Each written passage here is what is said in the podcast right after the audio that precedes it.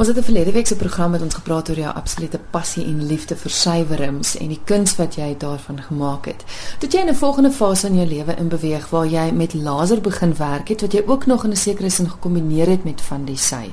Hoe werk die hele laserproses? Kyk, laser is eintlik net 'n hoogs opgewonde ligstraal, né? En ehm um, as ek weer mag terugverwys na die syfer om 'n oomblik, die sy draadjie is dis 'n driehoekvorm, is 'n prismavorm. En dis hoekom sy altyd daai gloed het, dis die lig wat hy breek. So ek het ook so half op 'n hele studie van lig en uiteindelik by die ding opgekom dat 'n mens nie eers presies weet werklik wat lig is nie, maar laser is deel van my van my soektog na 'n antwoord op lig. So toe ek was baie bevoorreg. Ek uh, was 'n kans gegee om self met die laser te werk want ek het nie self 'n lasersnyer nie. Ek het 'n persoon gaan sien en wat nou sleutelhouers uitsny uit plasties of uit perspex en padtekens doen en ek het hom gesê asseblief mag ek jou masjien gebruik vir iets anders en hy was baie entoesiasties saam met my in die ding en ons het toe eers op papier het ek toe eers want papier sny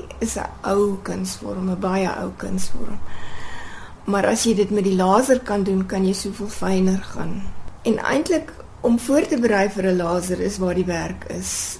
Want jy het vir my genoem dat die voorbereiding baie is en ek het nou van jou goed gesien dit is dis regtig besonderse fyn werk As jy sê voorbereiding, is dit iets wat jy op papier doen of of wat is die voorbereiding? Jy kry jou konsep eers nie, want kyk die laser reageer op wat hy uit die rekenaar kry. So ek moet totaal en al die ding voorberei op die rekenaar vir hom. So dis 'n ding wat jy op rekenaar eintlik ja, ja, ontwerp. Ja, ja, ja, jy ontwerp dit en dit is wat so ehm um, interessant is, jy moet alles in die negatief doen want jy moet vir die laser vertel wat om weg te sny. Hm en jy moet nogal kop hou daar want partymal as jy nou byvoorbeeld 'n sirkel het en jy doen is in die middel van die sirkel iets dan sny jy sommer alles weg verstaan? So jy moet kontakstukkies hê wat almekaar bly vassit dat dit dat hy nie as hy buite omsny die hele binnekant ook verloor nie. So jy moet werklik kop hou. So die die eerste my eerste laserwerke was meer eenvoudig en Dis maar hoe ek is, dan druk ek die masjien en ek druk myself so bietjie en dan word ek op twee lae en dan moet jy nou twee lae agterste voor dink en dan gaan jy nog 'n bietjie verder en dan gaan jy op drie lae. So ja, dit is 'n is 'n wonderlike medium want met die hand kan jy nooit so sny soos wat jy met die laser kan sny nie. Op watter medium het jy het jy die laserwerk uitgesny? Oorspronklik op op papier uh en later het ek dit op sy ook gedoen van die sy lappies of van die sy stukke wat my sywerings gedoen het. Want dit was nou ook nog al 'n interessante eksperiment want afhangende van hoe hoe sterk jy die laserstraal stel en hoe vinnig jy hom laat beweeg hang af of hy nou brand of nie. So ons ek was skrikkerig dat hy die sy gaan brand. So mens moes eers 'n bietjie daar eksperimenteer dat jy die regte spoed en die regte sterkte kry dat hy deur die sy gaan maar hy het hom nie gebrand nie. Dit was baie opwindend. Nou van laser het jy aanbeweeg na 'n klomp ander goederes toe ook. Ons het vroeër toe ons so deur jou huis gestap het, daar's kaleidoskope wat jy maak. En dan het jy ook 'n hele paar kunswerke van gevonde objekte. Jy vertel my 'n bietjie van dit. Goed, die kaleidoskope het ook maar weer met lig te doen, né? want eintlik is dit maar 'n speelstelsel binne-in en, en daar het ek ook maar wat vir my daardie uitdaging was is om kaleidoskope binne in 'n bottel te bou. Want want 'n glasbottel is nie so maklik om om binne in te kom nie. So dit was die sny van die bottel en dan bou jy die speelstelsel binne in. En dan en vind jy enige iets wat deurskynend is wat jy dan binnekant gebruik. Gaan jy dit ook maar jy speel want 'n kaleidoskoop is ook maar 'n hulle noem dit 'n philosopher's toy Nou ek het filosofie op Unisa gestudeer, so ek het my heeltemal geregverdig gevoel om met die kaleidoskope te speel, né?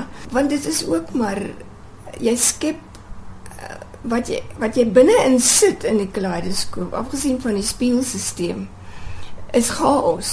Maar omdat die speels 'n geordende struktuur is, word dit skep dit orde. Mm. Uit chaos. En ek dink dis wat die filosoof ook maar doen. Hy probeer ook maar orde skep uit chaos. So ja, dit pas mooi. En dan het jy 'n lieflike kunswerk waar jy bietjie ode bring aan die rekenaar want rekenaar was vir baie lank deel van jou lewe gewees veral toe ja. jy toe jy baie van die Grafies. van die grafiese ontwerp gedoen het. Vertel my bietjie van die totempaal wat jy gebou het met ou rekenaarparte. Ag ek ek het in 1991 nou my seun vir my gesê maar ruk by. Uh gaan nou oor op die rekenaar want tot voor 1991 het ons nou maar weet ek nog maar die spoek en plak stories gehad, né? En oh, ek ek was van die begin af oh, eers bang vir die rekenaar, maar na so 3-4 weke het ek begin agterkom, dit was nie 'n groot of 'n sterk rekenaar nie. Hier is 'n lekker ding wat ek mee gaan speel. so, ehm um, ek weet net so grappie tussen in een oggend toe was dit verskriklik koud en die ding wou nie op boot om die mooi rekenaartaal te gebruik nie. En ek het 'n kombers oor hom gaan gooi. Ek het gedog hy's daar koud. Maar nou ja dit was 'n probleem was nie die koue nie. Maar ehm um, die probleem met 'n rekenaar is hy hou net 3 jaar dan kom hulle sê vir jou hy's oud hy's verouder hy's stadig.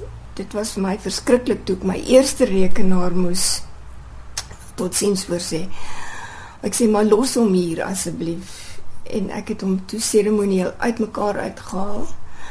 Al die skroefies losgedraai wat ek kon losdraai en in verskillende houers gebeere. En dit het ek nog gedoen met die tweede rekenaar en dit het ek gedoen met die derde rekenaar en ek het wonderlike binnegoed gehad en ek het net gedink iets moet ek doen met hierdie goed. En toe word ek wakker een oggend en toe besluit ek ek gaan 'n totem bou uh, as 'n huldeblyk aan tegnologie.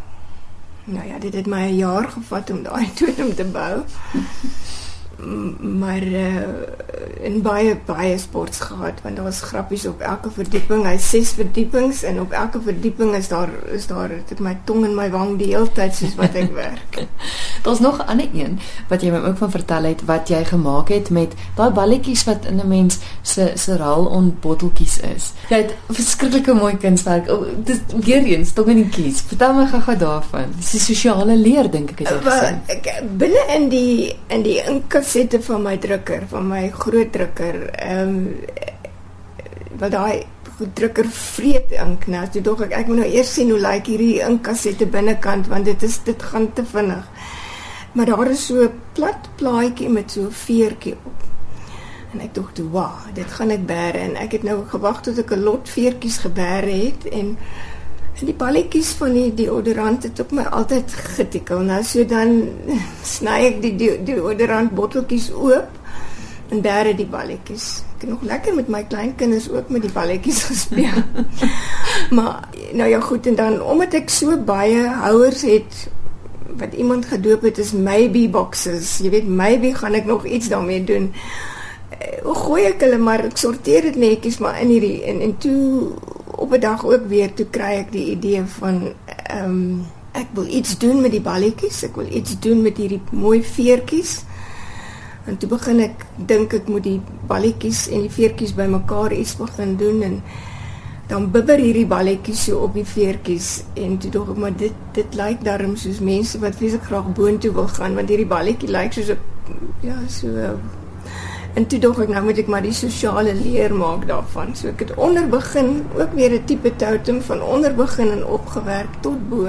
En toe dog ek nou wat moet ek nou bo aan die sosiale leer sit? As jy nou bo in die sosiale wêreld gekom het, wat ehm um, wat vind jy daar? En toe het ek maar een groot hol bal daarbo gesit. Jou hele huis en jou hele ateljee is vol van dis 'n skatkis. Dis eintlik niks anders as dit nie. Ek wil hê ons moet gou-gou vanaand se gesprek afsluit met bo-op een van jou kaste is daar 'n klomp klei beeste. Ons ken dit as klei osse gemaak met net so 'n verskriklike besonderse storie. Elkeen lyk like anders. Verduidelik gou-gou hoekom. Goed, ek nou nog my eie pottebakkers oond gehad. Dit was dan natuurlik altyd klei op die werf. En hierdie huis van ons het baie klein begin en hy het maar gegroei en gegroei en elke keer as hulle gebou het of 'n sloot gegrou het of of of iets moes doen, het ek as die swart mense geëet het, het ek vir hulle klei in die hand gestop en gesê: "Maak vir my 'n klei bees," want hulle praat nie van klei osse nie. So uh, ek het 'n baie mooi kolleksie daar gekry en en ook het ek die voor 91 nog na voor 1991 dit ook in die buurt versprei. Etenstyd kan jy kom kleibeeste maak by my, dan koop ek die beeste terug by hulle. En so het jy 'n versameling want ek dink daar's omtrent 'n stuk of 50, 60 ja, daar. Ja, daar's pragtige stukkies beeldhouwerk en dis absoluut net mense wat in die slote grou of of wat ook al of uh, was nie opgeleide beeldhouers nie, maar ek het toe van hierdie klein beeldjies baie dramatiese swart en wit fotos geneem wat so monumentaal eintlik hier daai beeldjies so tot hulle reg laat kom want dit is monumentale stukkies beeldhouwerk regtig dis pragtige goed. Ek weet nie wat uh, hoekom ons vandag nie meer van daai klein beeste sien nie. Is baie jammer. Ons draadkarretjies vandag, né? Nou volgende week gesels ek en jy verder en dan praat ons oor die passie van vandag en wat jy vandag mee besig is.